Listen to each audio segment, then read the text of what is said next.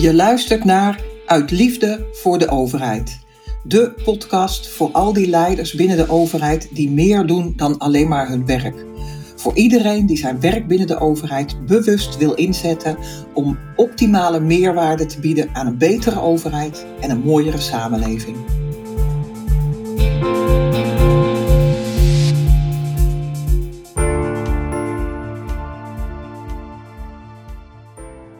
Je bent het gemiddelde van de vijf mensen met wie je het meeste omgaat.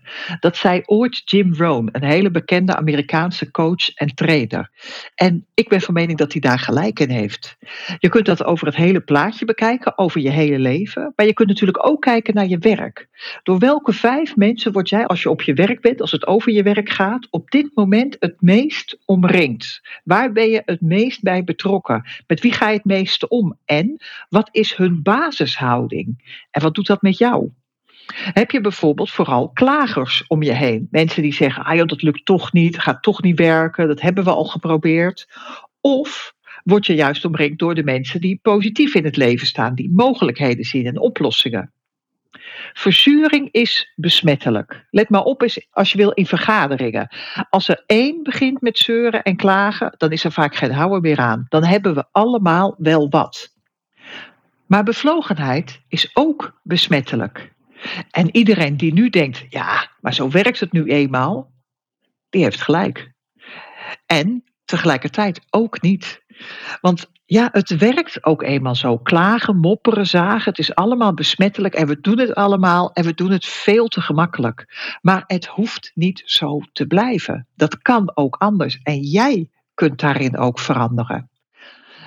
Een andere dooddoener die ik op dit vlak heel vaak hoor is: het is overal wel wat. En dat is er ook zo. Ja, dat klopt. Het is ook overal wel wat.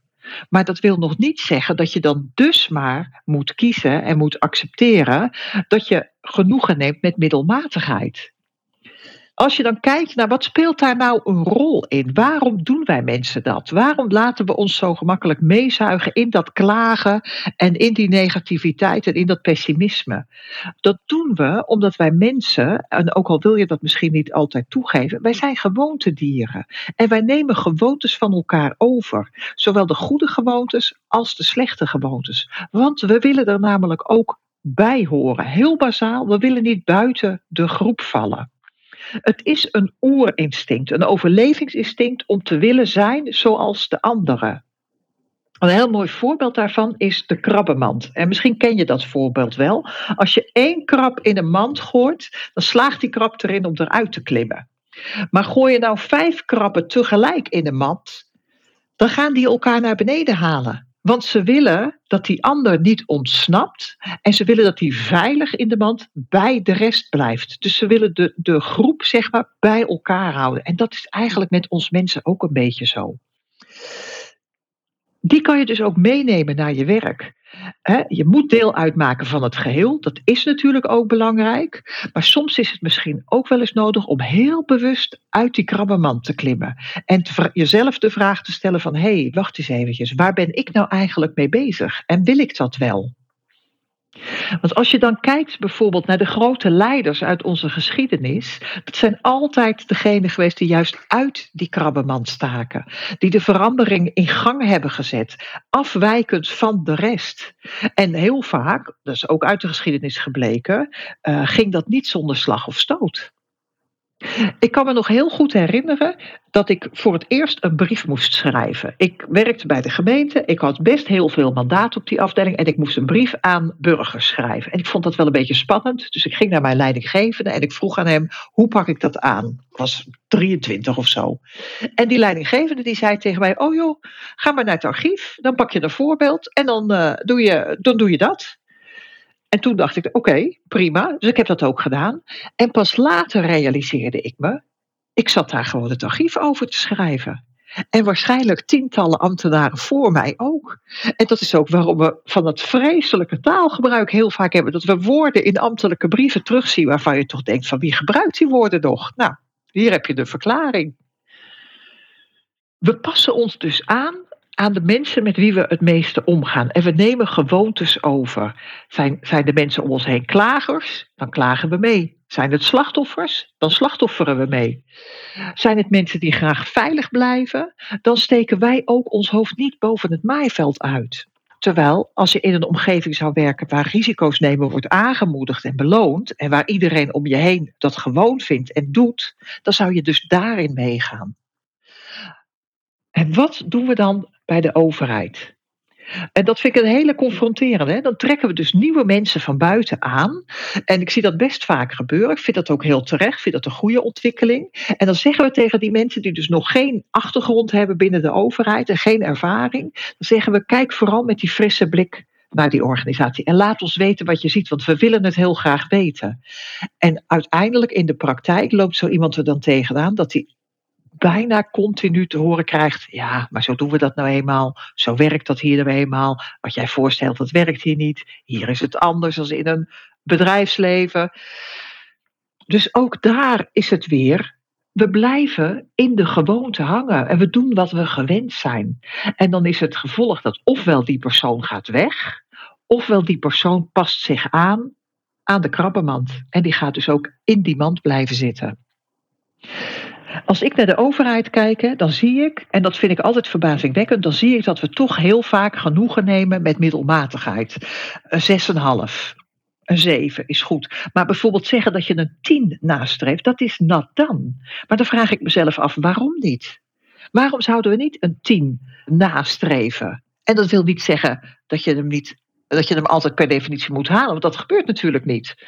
Maar daar zit hem dus ook de crux. Hè. We zijn zo gewend dat we fouten vermijden, dat we kritiek vermijden, dat we dus al op voorhand in die middelmatigheid gaan zitten. Dan zei ik net dat verzuring uh, besmettelijk is, maar bevlogenheid is gelukkig net zo besmettelijk.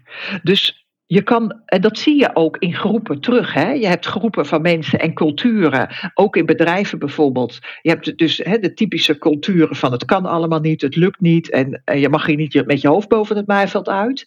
Maar je hebt natuurlijk ook culturen waar het heel anders is en waar bevlogenheid juist wordt aangemoedigd en waar hoge doelen nastreven bijvoorbeeld heel erg wordt aangemoedigd.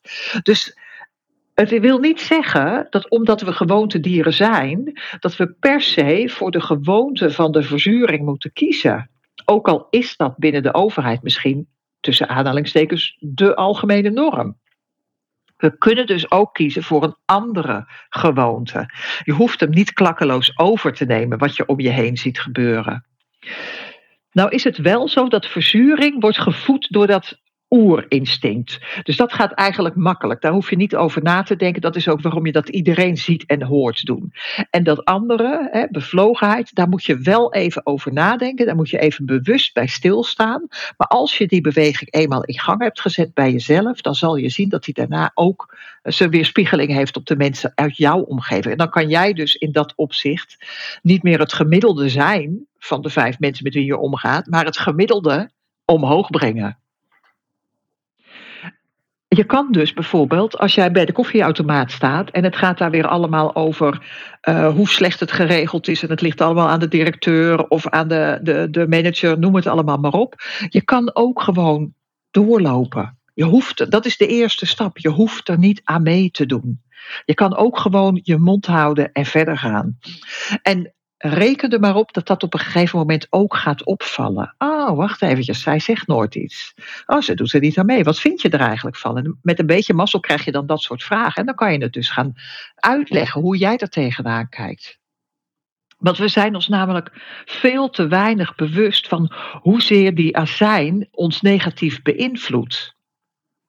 En je kan dus heel makkelijk kiezen daar niet meer aan mee te doen. Nou helpt het natuurlijk, want als je daarin altijd alleen staat, hè, als je altijd degene bent die zeg maar de positieve kant belicht of, of die draaier aan wil geven, je krijgt daar helemaal geen medestanders voor, binnen je team bijvoorbeeld, dan wordt het wel een hele zware dobber. Dus zoek ook daarom, omdat je dat wel dat gemiddelde bent van de vijf mensen waar het meeste mee omgaat, als je dat nou op je werk niet hebt, zoek het dan daarbuiten. Kijk dan of je een, een groep van mensen, van medestanders om je heen kan verzamelen, of dat je bijvoorbeeld, nou nou, naar deze podcast luistert om positiviteit op te doen. Of dat je bepaalde artikelen leest. Hè, dat je inspiratie opdoet die jou in de modus houden van waar jij graag in wil blijven. Ik luister zelf bijvoorbeeld met heel veel plezier naar de podcast van de correspondent. Ik weet niet of je die kent. Hij is echt de moeite waard om eens naar te luisteren. Die, ze zijn kritisch maar wel positief kritisch. En ze belichten het nieuws vanuit een hele andere invalshoek. En dat zijn zulke mooie, leerzame uh, podcasts. En als ik dan toch in de auto zit, dan denk ik altijd, nou, ik zet even de correspondent op. Dan zoek ik er dus ook eventjes bewust op, buiten zeg maar mijn reguliere ja, groep mensen waar ik mee omga. Als je bijvoorbeeld kijkt naar mensen die echt succesvol zijn. Hè? Ik denk dan altijd aan sporters, Olympische sporters bijvoorbeeld, Olympisch kampioenen. Maar denk ook eventjes aan een Nelson Mandela, aan een Martin Luther King. Mensen die echt hele grote dingen hebben gedaan. Wat hebben die mensen dan met elkaar gemeen? Wie hebben zij om zich heen aan mensen? En, en hoe doen zij dat? Want het is natuurlijk heel gemakkelijk om te zeggen van ja, die wel en die niet. En uh, ja, maar hij of ja, maar zij. Maar dat kan wel zo zijn. Maar desalniettemin kost het ook het een en ander om zo'n topprestatie neer te zetten. En het kan dus heel erg leerzaam zijn om te kijken wat doen zij op dat vlak en kan ik daar gewoontes van overnemen. Je kan hem ook omdraaien. Hè? Je kan ook zeggen, uh, zo moet ik heel eerlijk bekennen dat ik hem zelf heb gebruikt ook. Ik heb zelf eigenlijk niet echt een inspirerend voorbeeld qua leiderschap binnen de overheid. Ik heb eerder het tegenovergestelde gehad. Ik heb een aantal leidinggevenden gehad waarvan ik me echt oprecht afvroeg hoe bestaat het. Maar dat is wel mijn voorbeeld dus ook geweest van zo wil ik het niet doen. En dus ga ik het echt heel bewust anders doen. Dat is ook niet zonder slag of stoot gegaan. Ik heb daar ook fouten in gemaakt. Ik heb daar ook mezelf uh, af en toe uh, behoorlijk in voorbij gelopen. Maar ik heb daar ook wel heel veel van geleerd. En je kan dus kijken naar inspirerende voorbeelden en dat nadoen. Maar je kan ook kijken naar, hey, hoe wil ik het niet? En dat dan vermijden. Ik kan het bijvoorbeeld ook heel erg hebben met leraren die ik heb gehad. En dan bedoel ik dus niet werkgerelateerd, maar meer uh, naast mijn werk, trainingen en opleidingen die ik heb gevolgd. Daar heb ik gelukkig wel een aantal leraren gehad, waarvan ik me dan ook soms echt letterlijk afvraag: wat zou hij nou zeggen? Wat zou Koos doen in deze situatie? Of wat zou, wat zou Tony doen in deze situatie? En dat helpt me dan om uit die negatieve spiraal te blijven en uit dat, dat overlevingsinstinct te blijven. Je hebt dus, dat noemen we een peer group. Hè? Je hebt een groep mensen om je heen die het meeste invloed op jou uitoefent. En, en de meeste van ons werken toch fulltime of bijna fulltime, dan breng je ongelooflijk veel tijd op je werk door. En dan is het dus belangrijk om te kijken wie zit het daar in mijn peergroep en wil ik dat zo houden of wil ik daar verandering in brengen en wil ik daar misschien zelf juist ook wel een leider in zijn. Dat kan natuurlijk ook nog. Het is natuurlijk ook heel erg fijn als je een groep mensen om je heen hebt bij wie je je goed en veilig voelt. En mensen die gelijk gestemd zijn, waar je echt oprecht mee kan sparren en waar je ook uh, kwetsbaar mag zijn. Ik moet ineens denken aan, ik was gemeentesecretaris en er waren vanuit mijn vorige werkgever, gemeente, waren er een aantal mensen uh, kort achter elkaar her en der gemeentesecretaris geworden. En we hadden toen het jaarlijkse congres van gemeentesecretarissen. We en we hadden afgesproken dat we met elkaar de avond van tevoren al bij elkaar zouden komen en dan zouden gaan eten. En ik weet nog, ik reed daar naartoe met dus een oud collega van mij. En die zei onderweg, hij zegt, ja, dan gaan we vanavond uh, dikke verhalen vertellen aan elkaar. En ik begreep eigenlijk helemaal niet wat hij bedoelde. Ik dacht, nou, ik dacht dat hij een grapje maakte. Ik denk, nou, dat zal wel. Maar het bleek dus dat dat echt zo was. Het waren, en ik weet niet of dat, dat een toeval is of dat dat ook een rol speelt, maar het waren in ieder geval vier heren en ik.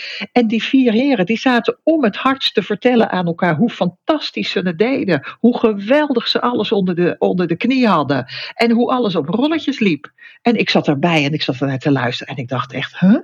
Ik heb dus helemaal niet onder de knie. Ik heb helemaal niet alles op rolletjes. Ik weet gewoon soms niet van voren wat ik van achteraan het doen ben. En dan word ik altijd een beetje recalcitrant in dat soort situaties. Dus dan ga ik dat ook nog een beetje uitvergroot op tafel gooien.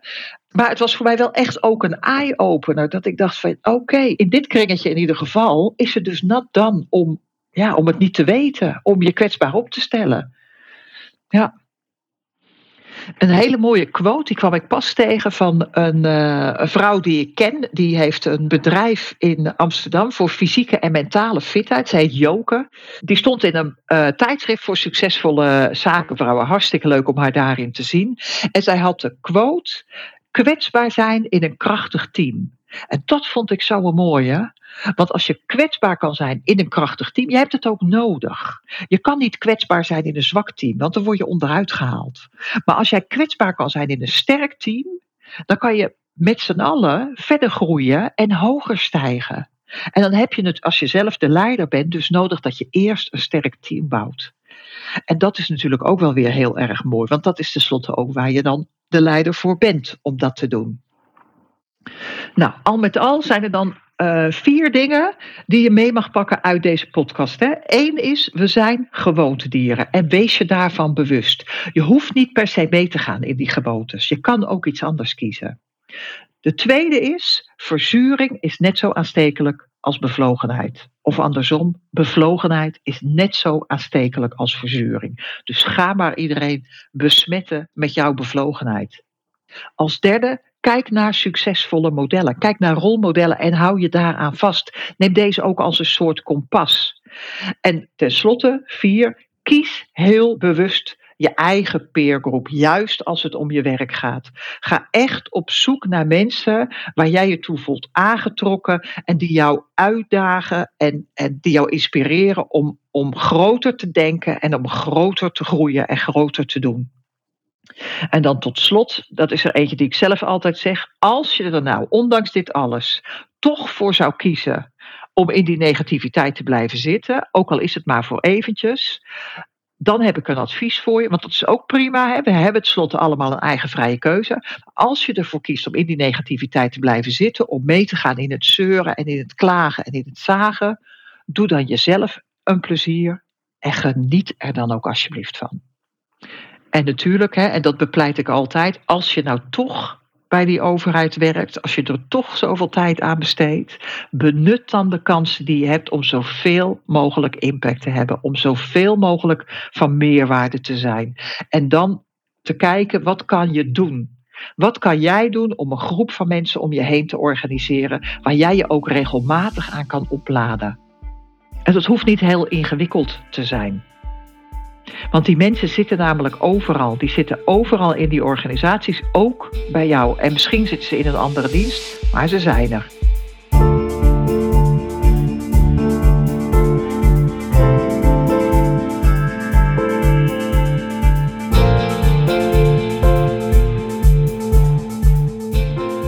Dit was een aflevering van Uit Liefde voor de Overheid.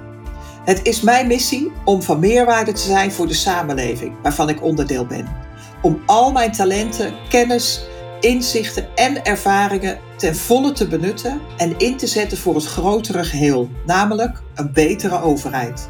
Want een betere overheid resulteert in een mooiere samenleving. Ik ben een resultaatgerichte idealist en ik steek daar heel graag anderen mee aan, omdat bevlogenheid net zo besmettelijk is als verzuring.